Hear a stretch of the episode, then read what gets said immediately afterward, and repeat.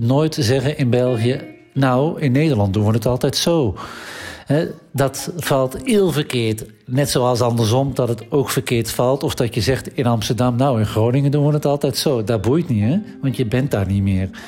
dus het eerste advies is gewoon zwijgen. Je mag een mening hebben, maar hou die gewoon even voor je.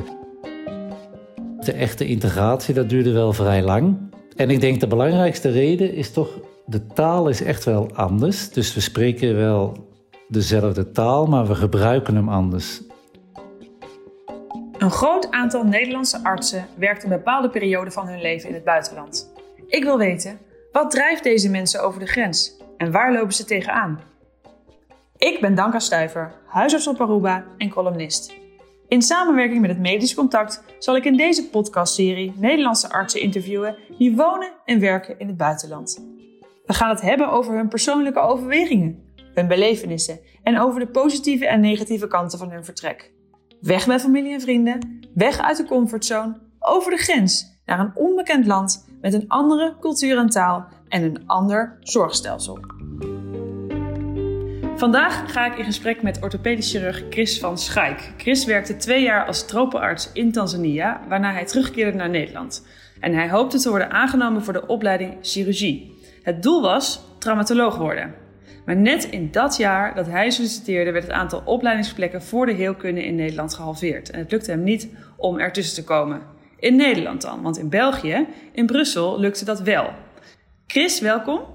Dankjewel, Danka. Superleuk om hier te zijn. Ja, vertel eens, waarom koos je voor België om te solliciteren voor de vervolgopleiding in plaats van bijvoorbeeld het doen van een andere opleiding in Nederland? Ja, het was eigenlijk zo, toen ik uit Tanzania terugkwam, dat was voor mij nogal uh, pittig, want ik kwam in november terug, eigenlijk midden in de winter. Dus zowel qua klimaat viel het wat tegen, als manier van leven en vooral ook de vraag, wat ga ik nu doen? Ik wil inderdaad, zoals je zei, traumatoloog worden. Dus uiteraard heb ik dan eerst gesolliciteerd voor de heelkunde, uh, later voor de orthopedie en voor de huisartsgeneeskunde, want ik wou gewoon gaan werken.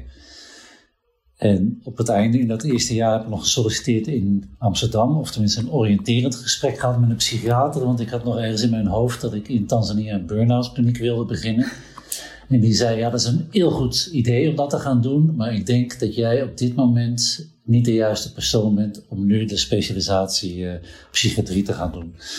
Dus dat was heel vriendelijk en heel leerzaam en ik heb dat dus ook uiteindelijk niet gedaan. Ja.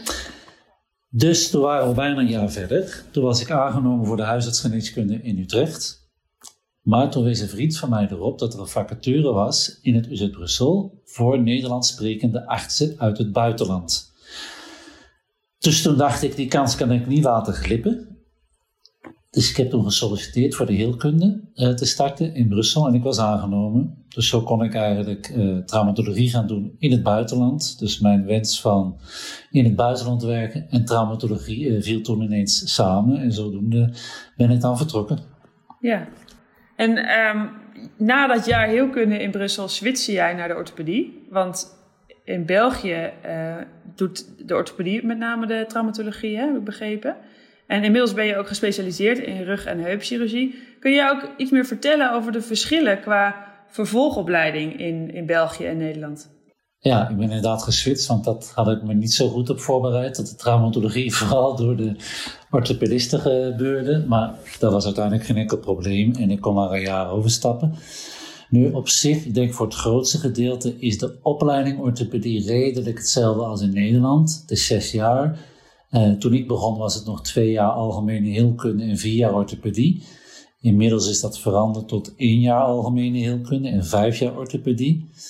Maar ze gaan er nu eigenlijk al wel vanuit dat jouw zevende jaar sowieso eigenlijk al een fellowjaar is. En dat is hoe de situatie is in Vlaanderen. Hè? Want België is een gecompliceerd land. Dus ik weet nu net hoe het een beetje in Vlaanderen is, maar ik ga me zeker niet uitspreken hoe het in het Franstalige gedeelte georganiseerd is. Snap ik. Ja, dat wordt heel lastig. En het grote voordeel bij ons in Vlaanderen is dat ze toch een, uh, voor de assistenten orthopedie een onderwijsprogramma hebben opgezet. En dat was voor mij in het begin wel heel, heel pittig, want dat was echt twee jaar basiscursus met heel theoretische vakken. En op het uh, einde een mondeling. Nu, vooral het mondeling viel dus wel tegen, want dat was vrij zwaar en pittig. Maar goed, dat zorgde er wel voor dat ik bij was in de basale kennis die iedereen al uh, voor een deel had. Chris, naast een cultuurshock uh, vertelde jij mij ook dat het een soort van financiële uh, shock was toen jij in België startte als, als AIOS. Want het AIOS-salaris ligt in België een stuk lager dan in Nederland. Hè? Hoe komt dat? Uh, dat was inderdaad fors uh, een schok. Dat is uh, de helft lager met het dubbel aantal werkuren. Maar het betalingssysteem is vooral anders. Dus in Nederland krijgt denk ik een AIOS een zak geld als hij een ziekenhuis binnenstapt. En daar wordt zijn opleiding voor betaald en dus ook zijn salaris. In België krijg je geen zak met geld en jij werkt gewoon voor de maatschap. En in ruil daarvoor leren zij jou dingen. En met de activiteit die jij doet, komt er geld binnen in de maatschap en daar betalen zij jou uit. Ja, dus, dus je wordt, in, in België wordt de IELTS betaald door de maatschap en verdienen ze zichzelf als het ware dan dubbel en dwars terug met het draaien van de productie. Ja, de meeste assistenten toch wel, ja. Ja, ja. zeker als je wat later in de opleiding zit, denk ik. Ja.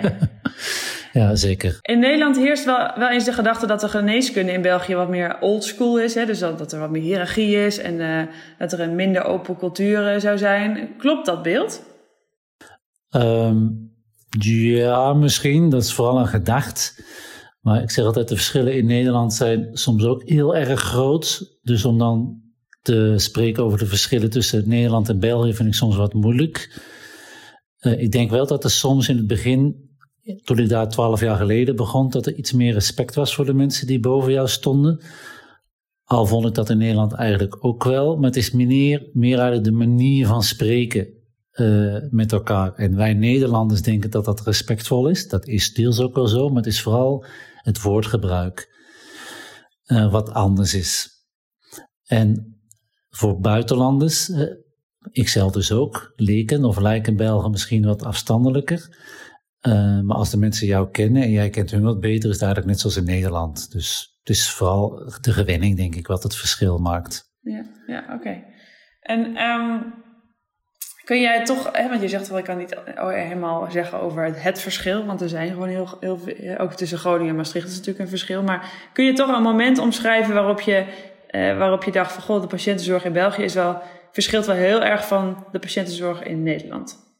Ja, de, dat zijn bijna wekelijkse schokken, of in het begin ook. Dat is, uh, mijn wachttijd op dit moment is nu ongeveer twee maanden voor een afspraak in het ziekenhuis. En laatst zat er iemand en ik vraag, en uh, wat kan ik voor u doen? En die zei, ja, ik heb al twee dagen rugpijn. Dus ik dacht, ja, die heeft zich vergist, hè? dat moet twee maanden zijn. Nee, nee, dus er was een gaatje in de agenda gevallen en die had een afspraak gekregen, die had gewoon gebeld. Dus dat is wel een heel groot, bazaal verschil, dat iedere patiënt heeft het recht om een afspraak te maken met een specialist in het ziekenhuis. Dus niemand moet via een huisarts komen. Nu, er zijn wel collega's die zeggen: ik ga geen patiënten zien als ze niet verwezen zijn door een huisarts. Mm Maar ja, in Brussel zeker zijn er heel veel patiënten die hebben geen huisarts. Dus ja, dat is soms wat moeilijk om dat te zeggen. Hoe komt het dan dat ze geen huisarts hebben? Te weinig huisartsen. Oké. Ja, dus zeker in Brussel, er zijn bepaalde wijken waar mensen gewoon niet meer willen werken. Ja, ja maar is het dus niet, dat is, natuurlijk wel zo, heel triest. Is het niet ook zo dat, omdat het zo'n, dat het zo, hè, we komen straks op het zorgstelsel in België, maar is het niet ook zo dat omdat het zorgstelsel natuurlijk wat meer productie gedreven is, dat, ja, waarom zou je dan niet iemand met twee dagen rugpijn op je poli laten komen? Brengt alleen maar weer geld op. Ja, maar dan had je liever iemand gezien die je kan opereren. dus nee, dat is niet zo. Hè. Dat, ik geef de mensen nog de kans, want het kan zijn dat het iemand is die inderdaad geen huisarts heeft en die een serieus probleem heeft. En het is niet aan de secretaresse om dat onderscheid te maken. Ja, ja. Maar wat ik eigenlijk wou zeggen, het omgekeerde is ook waar. Dat ik hier in eh, België een keer een uh, kennis van mijn zusje heb gezien. Dus iemand uit Nederland. Die al heel lang rugpijn had. Die door de huisarts naar de neuroloog was gestuurd. En de neuroloog zei, er is niks aan de hand. Dus dacht die mevrouw, ik ben zot. Maar wat de neuroloog bedoelde, er is niks aan de hand in mijn werkveld. Maar dat had hij niet gezegd. dus die madame zie ik dan. En die had eigenlijk gewoon een versleten L5S1 discus. Dus die had recht op rugpijn. En ook recht op, uh, tenminste, deftige informatie. En die is gewoon daarna in de buurt naar de rugschool gegaan. En die is nu eigenlijk praktisch klachtenvrij.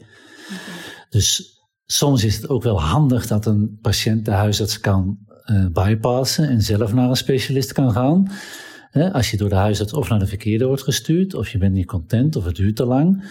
Ja, het is niet altijd zwart-wit, denk ik. Dus zowel in Nederland als in België zijn natuurlijk voordelen en een beetje nadelen soms aan het systeem. Ja, want laten we even inzoomen op het zorgstelsel in België. In, in hoeverre verschilt deze van Nederland? Dus wat ik zei, het grootste verschil is de, de verwijzingsplicht die je niet hebt in, eh, in België. En wat ook een verschil is natuurlijk het betalingssysteem. Dus in België heeft eigenlijk iedereen een uh, verplichte basisverzekering. En die kost daarvoor is echt extreem veel lager dan in Nederland. Maar dat komt omdat de grootste kosten eigenlijk betaald wordt via ons uh, belastingstelsel. Dus jij betaalt iedere maand een heel klein bedrag. Maar je betaalt via de belastingen iedere maand een heel groot bedrag. Maar ja, dat weet je niet hè, hoe dat verdeeld wordt. Dus dat geeft een heel vertekend beeld. En in België is het heel normaal dat uh, mensen een extra hospitalisatieverzekering hebben. dus die uh, hospitalisatieverzekering dekt eigenlijk alle extra kosten uh, die mensen alsnog moeten betalen als ze alleen een basisverzekering hebben. Dus stel, ik heb een basisverzekering ik word aangereden, ik word opgenomen een maand in het ziekenhuis, ik word geopereerd, ik lig op intensieve, ik krijg medicatie. En voor heel veel kleine dingetjes is een kleine opleg. Hè, 50 cent, een euro, 6 euro, maar na een maand gaat het soms wel over een paar duizend euro. Mhm. En als je dus geen hospitalisatieverzekering hebt, moet je dat zelf betalen.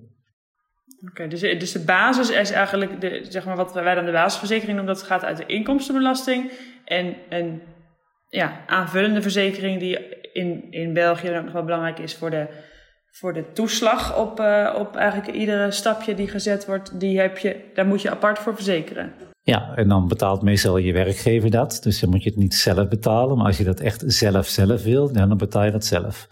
Ja. En dat is dan natuurlijk een fors groter bedrag. En dat is eigenlijk als je ouder wordt bekend onmogelijk om die nog te krijgen. Ja. Dus boven de 65 krijg je bijna geen hospitalisatieverzekering meer. Dus, dus verzekeraars mogen je uitsluiten? Voor een hospitalisatieverzekering, maar niet voor een basisverzekering. Nee.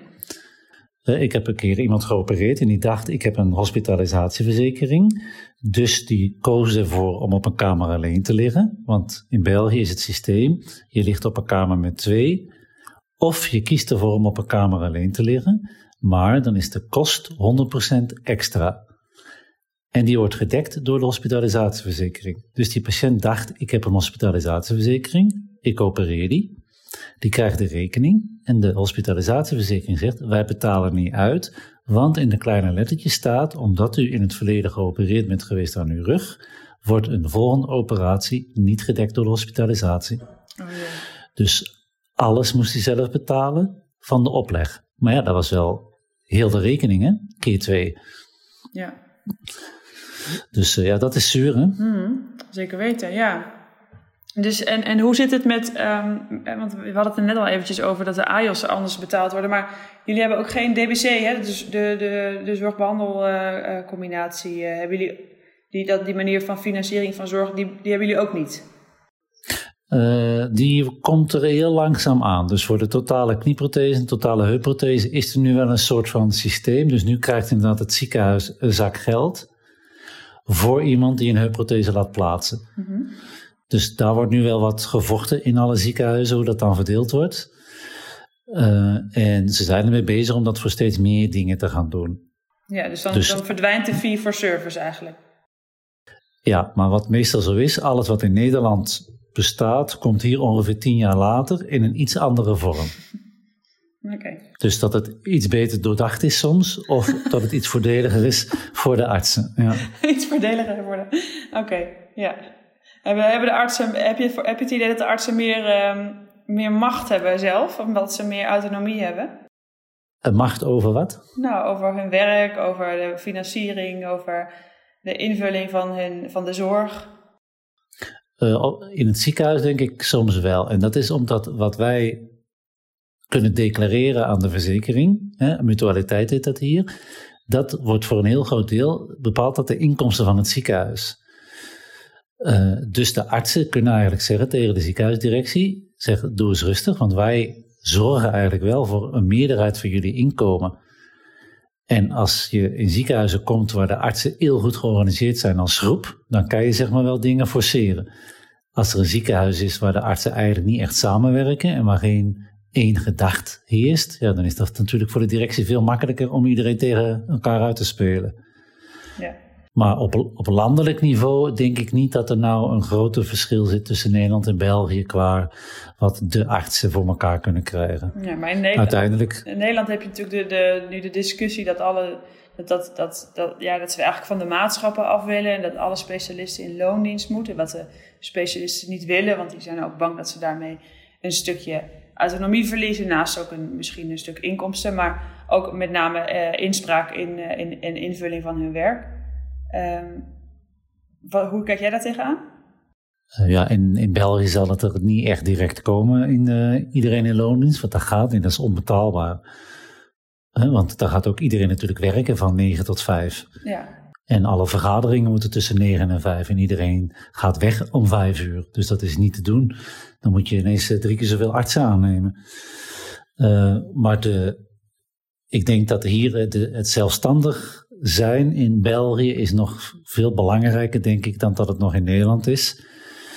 En ja, de, de maatschappen in Nederland, ja, of dat nou echt zelfstandigen nog zijn, dat is natuurlijk voor discussie uh, vatbaar. Uh, maar ik denk dat je perfect een loondienstconstructie kan uitrollen waar artsen wel iets te zeggen hebben. Het is maar hoe je het organiseert. Ja, dus uh, interessante discussie. Um, ik wil heel even naar jou gaan, want toen jij klaar was um, met, de, met de opleiding tot orthopedisch chirurg, toen heb jij nog wel even gekeken om ook in Nederland te gaan werken. Um, uiteindelijk ben je toch in Brussel gebleven. Kun jij vertellen hoe dat proces gegaan is? Ja, dat is inderdaad een proces. Want ik denk toen ik begon in België, de eerste maanden wilde ik echt direct stoppen en teruggaan. Want toen dacht ik, ja, in, in Nederland heb ik geen baan, dus hier stoppen heeft geen zin. Uh, in het begin sloeg het echt zwaar tegen. Uh, nadien dacht ik iedere maand, ja, maar straks als ik klaar ben, ga ik terug naar Nederland of naar het buitenland. Maar eigenlijk uh, nu na zes jaar te werken als consulent, denk ik dat ik echt zeer tevreden ben dat ik in België werk. En dat ik op dit moment echt een heel toffe job heb waar ik super blij mee ben. Zeker ook met mijn familie uh, en ons gezin. En ik denk ook de reden, ik heb wel in Nederland gesolliciteerd twee keer. Maar als je dan alle plussen en de minnen tegenover elkaar afzet, uh, was ik uiteindelijk blij dat zowel de mensen in Nederland als ik eigenlijk zeiden van ja nee, ik blijf toch, uh, wij willen jou niet. En ik zei, ik blijf denk ik toch ook liever in België. Ja. Uh, want wat, ik, wat wij nu hier hebben, qua werk, qua huis, qua familiesituatie, daar ga ik niet meer opgeven voor een job in Nederland. Snap ik, snap ik. En, en als ik je dan vraag, wat, je het mooi, wat vind je dan het mooiste aan het werken in België? Dat zal dan toch de zelfstandigheid zijn. Ja. Dus uh, zeker in mijn vorm, het heeft ook nadelen, maar ik werk als consulent in het Universitair Ziekenhuis en hier in Rumst in een perifere ziekenhuis. Dus ik hang niet vast aan een grote organisatie die tegen mij zegt hoe ik het moet doen. Dus als ik zeg ik wil uh, per 20 minuten een patiënt zien, dan mag dat. Als ik zeg ik wil werken van 8 tot 8, dan mag dat ook.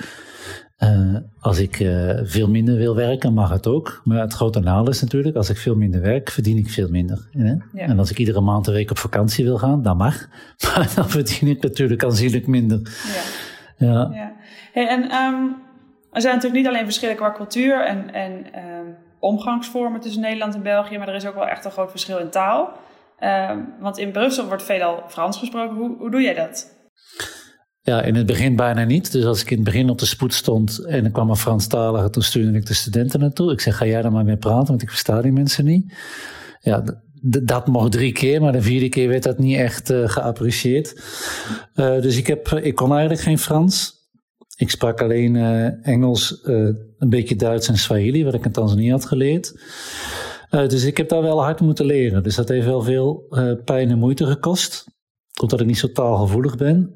Maar nu kan ik, als de patiënten zich houden aan hun medische problemen, kan ik het fantastisch volgen. Als ze ineens een grapje maken, dan, dan snap ik het niet. Nee. Okay. Maar de meeste mensen die bij mij komen, weten dat inmiddels. En een ander punt is, hè, 60 tot 70 procent van de patiënten die ik in Brussel zie, spreekt Frans. Maar eigenlijk nooit als eerste taal. Er zijn mensen uit Marokko, mensen uit Turkije, Polen, uh, Oekraïne. Overal van de wereld komen er mensen vandaan. En die leren in Brussel als, eigenlijk als eerste nieuwe taal Frans. Dus eigenlijk hun taal is net zo nieuw voor hun als voor mij meestal.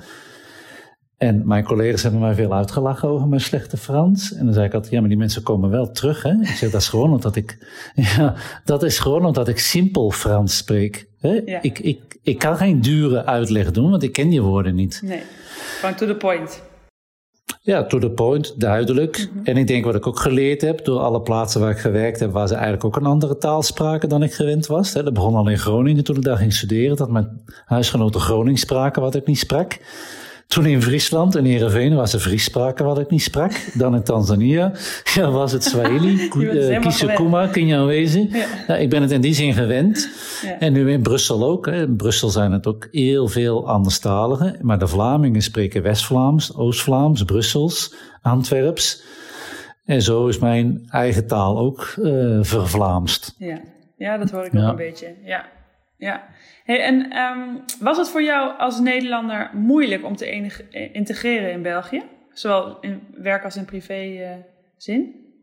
Uh, dat was inderdaad zo, wat ik net al zei, dat de eerste maanden echt heel lastig waren. Gewoon omdat je de onderlinge verhoudingen niet zo goed kent. Je hebt het eigenlijk niet door. Iedereen doet eigenlijk wel vriendelijk, maar eigenlijk misschien ook weer niet. Want toen ik in Breda kwam werken, hè, was iedereen super open, geïnteresseerd. Ah, je hebt in Tanzania gewerkt, vertel eens. En uh, hè, we gaan wat drinken en dit en dat. En dat was in België in het begin helemaal niet. Uh, dus de echte integratie, dat duurde wel vrij lang. Net zoals in Groningen eigenlijk. Hè. Om daar echt te integreren, dat kost ook veel tijd. Uh, en ik denk de belangrijkste reden is toch, de taal is echt wel anders. Dus we spreken wel dezelfde taal, maar we gebruiken hem anders. En ook lokale grapjes ken je niet, want je kent die mensen niet waar de grappen over gaan. Je kent de politieke situatie niet, je kent de mensen van tv niet. Eh, je kent de verhalen van vroeger van die mensen niet. Dus om er echt tussen te komen was wel lastiger. Ja. En het was natuurlijk ook eigenlijk mijn eigen schuld, want ik ben toen uh, in België heel veel gaan fietsen. Dus ik zat uh, uren op de fiets buiten het werk. In je eentje? Ja, dan, ja. in mijn eentje. Ja, dan spreek je ook niemand. Hè? Dus dat blijft wat, dat blijft wat moeilijker, ja. Oké. Ja. Ik wil heel even terug naar, uh, naar het werk van, uh, van orthopedisch chirurg, van medisch specialist. Want uh, in Nederland is natuurlijk veel te doen over de, over de slechte banenmarkt voor medisch specialisten. Um, hoe is de banenmarkt in België? Uh, ik denk nu op dit moment voor iemand die orthopedie studeert, die moet zich niet echt zorgen maken, maar die moet gewoon zorgen dat hij voorbereid is. dus dat je op tijd al begint uh, met wat wil ik, waar kan ik een plek krijgen en uh, zoals overal een beetje te netwerken. maar er zijn ook in België wel specialisten die moeite hebben met een vaste baan. Dus anesthesie is vrij lastig op dit moment. Wij zijn eigenlijk te veel mensen opgeleid. bepaalde interne specialisaties heb ik begrepen. Dus dat is wel een punt.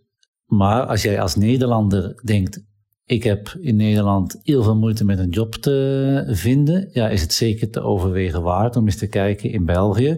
Hè, kan ik ergens in, uh, in Vlaanderen een uh, job vinden uh, in mijn specialiteit? En zeker eigenlijk in Wallonië, Noord-Frankrijk, daar zoeken ze echt heel veel specialisten.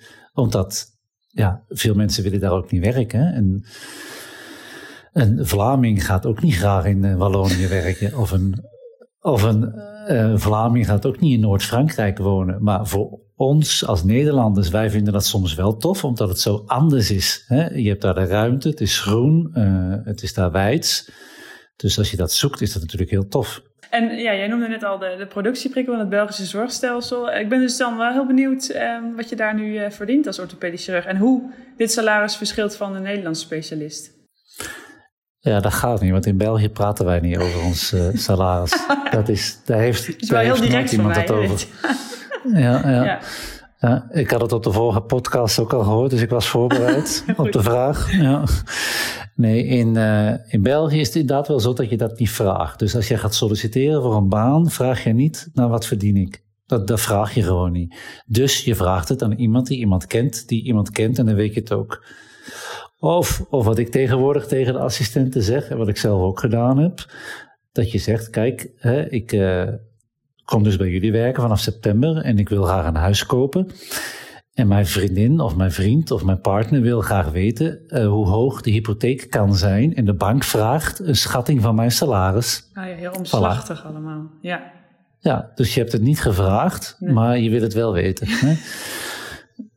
Maar voor ons in het UZ Brussel is het zo, als je daar begint te werken als uh, resident, dus dat is een beetje chef de kliniek in Nederland, dus je bent dan klaar en uh, goed, gewoon je eerste job als, uh, als specialist, dan verdien je 4.000, 5.000 euro per maand. En dat is dan voor 40 uur per week. En dan krijg je nog een beetje vergoeding voor de wachtdiensten, voor de oproepbare wachten. En als je moet komen, en er zijn nog zo'n speciale voordeeltjes. Als je dan uh, staflid wordt of kliniekhoofd, dan stijgt het tot 5.000, 6.500. En dan heb je dus een bediende statuut. Dus dan ben je in loondienst. Dus wat verdient dan een zelfstandige? Ja, dat hangt er natuurlijk vanaf hoe hard je zelf wil werken, hoe hard je kan werken, hoeveel werk er is, uh, hoe goed je georganiseerd bent. Uh, en wat je durft te vragen op jouw privéconsultatie. Want de meeste specialisten doen ook uh, privéconsultatie. En in België mag je dan eigenlijk vragen wat je wil. Dus dat is gewoon opleg voor de patiënt. Mm -hmm. Dus de, daarvan betaalt de, de, de, de zorgverzekering betaalt daar, een deel, betaalt daar een deel van en de rest betaalt de patiënt zelf.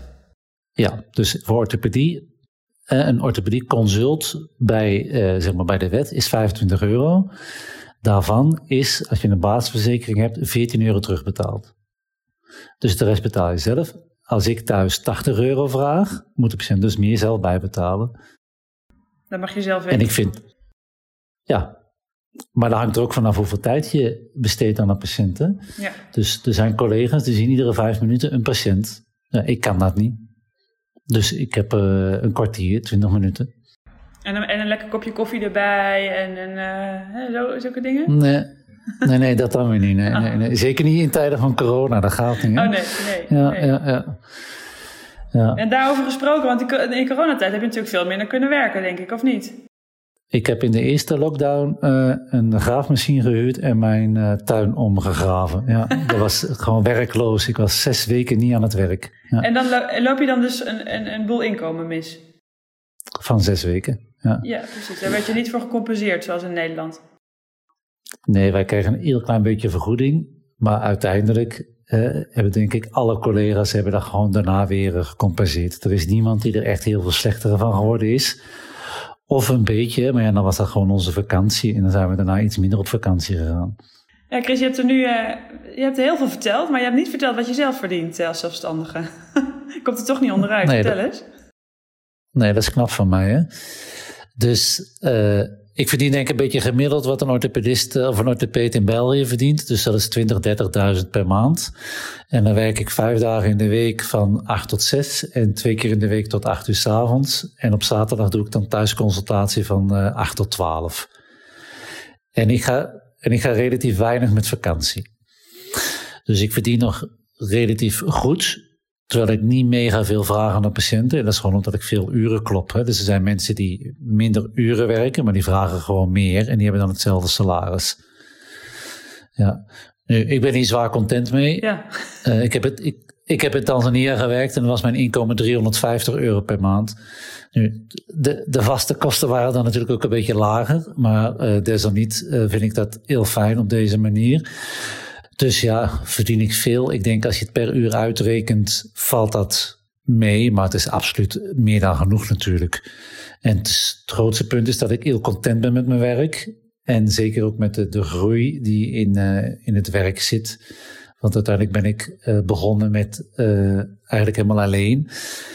En dan heb ik later meer en meer patiënten gekregen via de huisartsen, de kinesisten, nieuwe samenwerkingsverbanden met de fysisch geneesheer. De fysisch geneesheer in België is een beetje de revalidatiearts uit Nederland. Maar de fysisch geneesheer doet eigenlijk meer. Dus hij doet echt uh, sportrevalidatie, revalidatieprogramma's van uh, post-ops, de begeleiding van alle kinesisten. Uh, en zo zijn wij nu bezig met ons uh, spinecentrum in uh, Brussel wat meer vorm te geven. En mijn droom is dat wij toch in 23 uh, zelf ons meer een hip spinecenter kunnen noemen, waarbij we mooie uh, fast-track zorg kunnen aanbieden voor de mensen die dat aankunnen. En anders uh, slow-track zorg voor de mensen die het nodig hebben. Het is altijd goed als je het in Engelse termen zegt, hè? Dan maakt het veel indruk. ja, maar over slow care gesproken. Dus ik zou nog wel graag in de toekomst uh, teruggaan naar Tanzania of naar Oost-Afrika, maar dan meer in, uh, in onderwijsverband. Om daar uh, te proberen op vaste basis daar meer als teacher, als leraar te gaan werken. Dus niet meer zozeer als zelf te opereren, maar meer als ondersteuning, als ze dat willen dan tenminste. Ja. Chris, jij woont samen met je vrouw en, jullie hebben twee kinderen. Hoe is het gezinsleven in België en wat doe je als je vrij bent? Ja, totaal andere dingen dan in Nederland natuurlijk. Hè? Nee, dus grosso modo is natuurlijk eigenlijk altijd overal hetzelfde. Uh, maar het grote verschil denk ik wel dat uh, samen eten in België echt wel heel veel belangrijker is dan uh, wat ik gewend ben uit Nederland. En dat zeker mijn vrouw daar in het begin ook enorm op gehamerd heeft dat wij altijd samen eten. Dus dat is niet altijd ideaal hè, als je te laat thuis bent of als je vertraagd bent. Uh, maar ook zeker voor de dames is het wel heel tof dat wij samen aan tafel zitten. Uh, je verhalen van school kan vertellen. Of je vrienden en vriendinnen in de feestjes. Of wij van onze werkavonturen. En dat is eigenlijk ons momentje van rust uh, in de dag. De samen aan tafel zitten.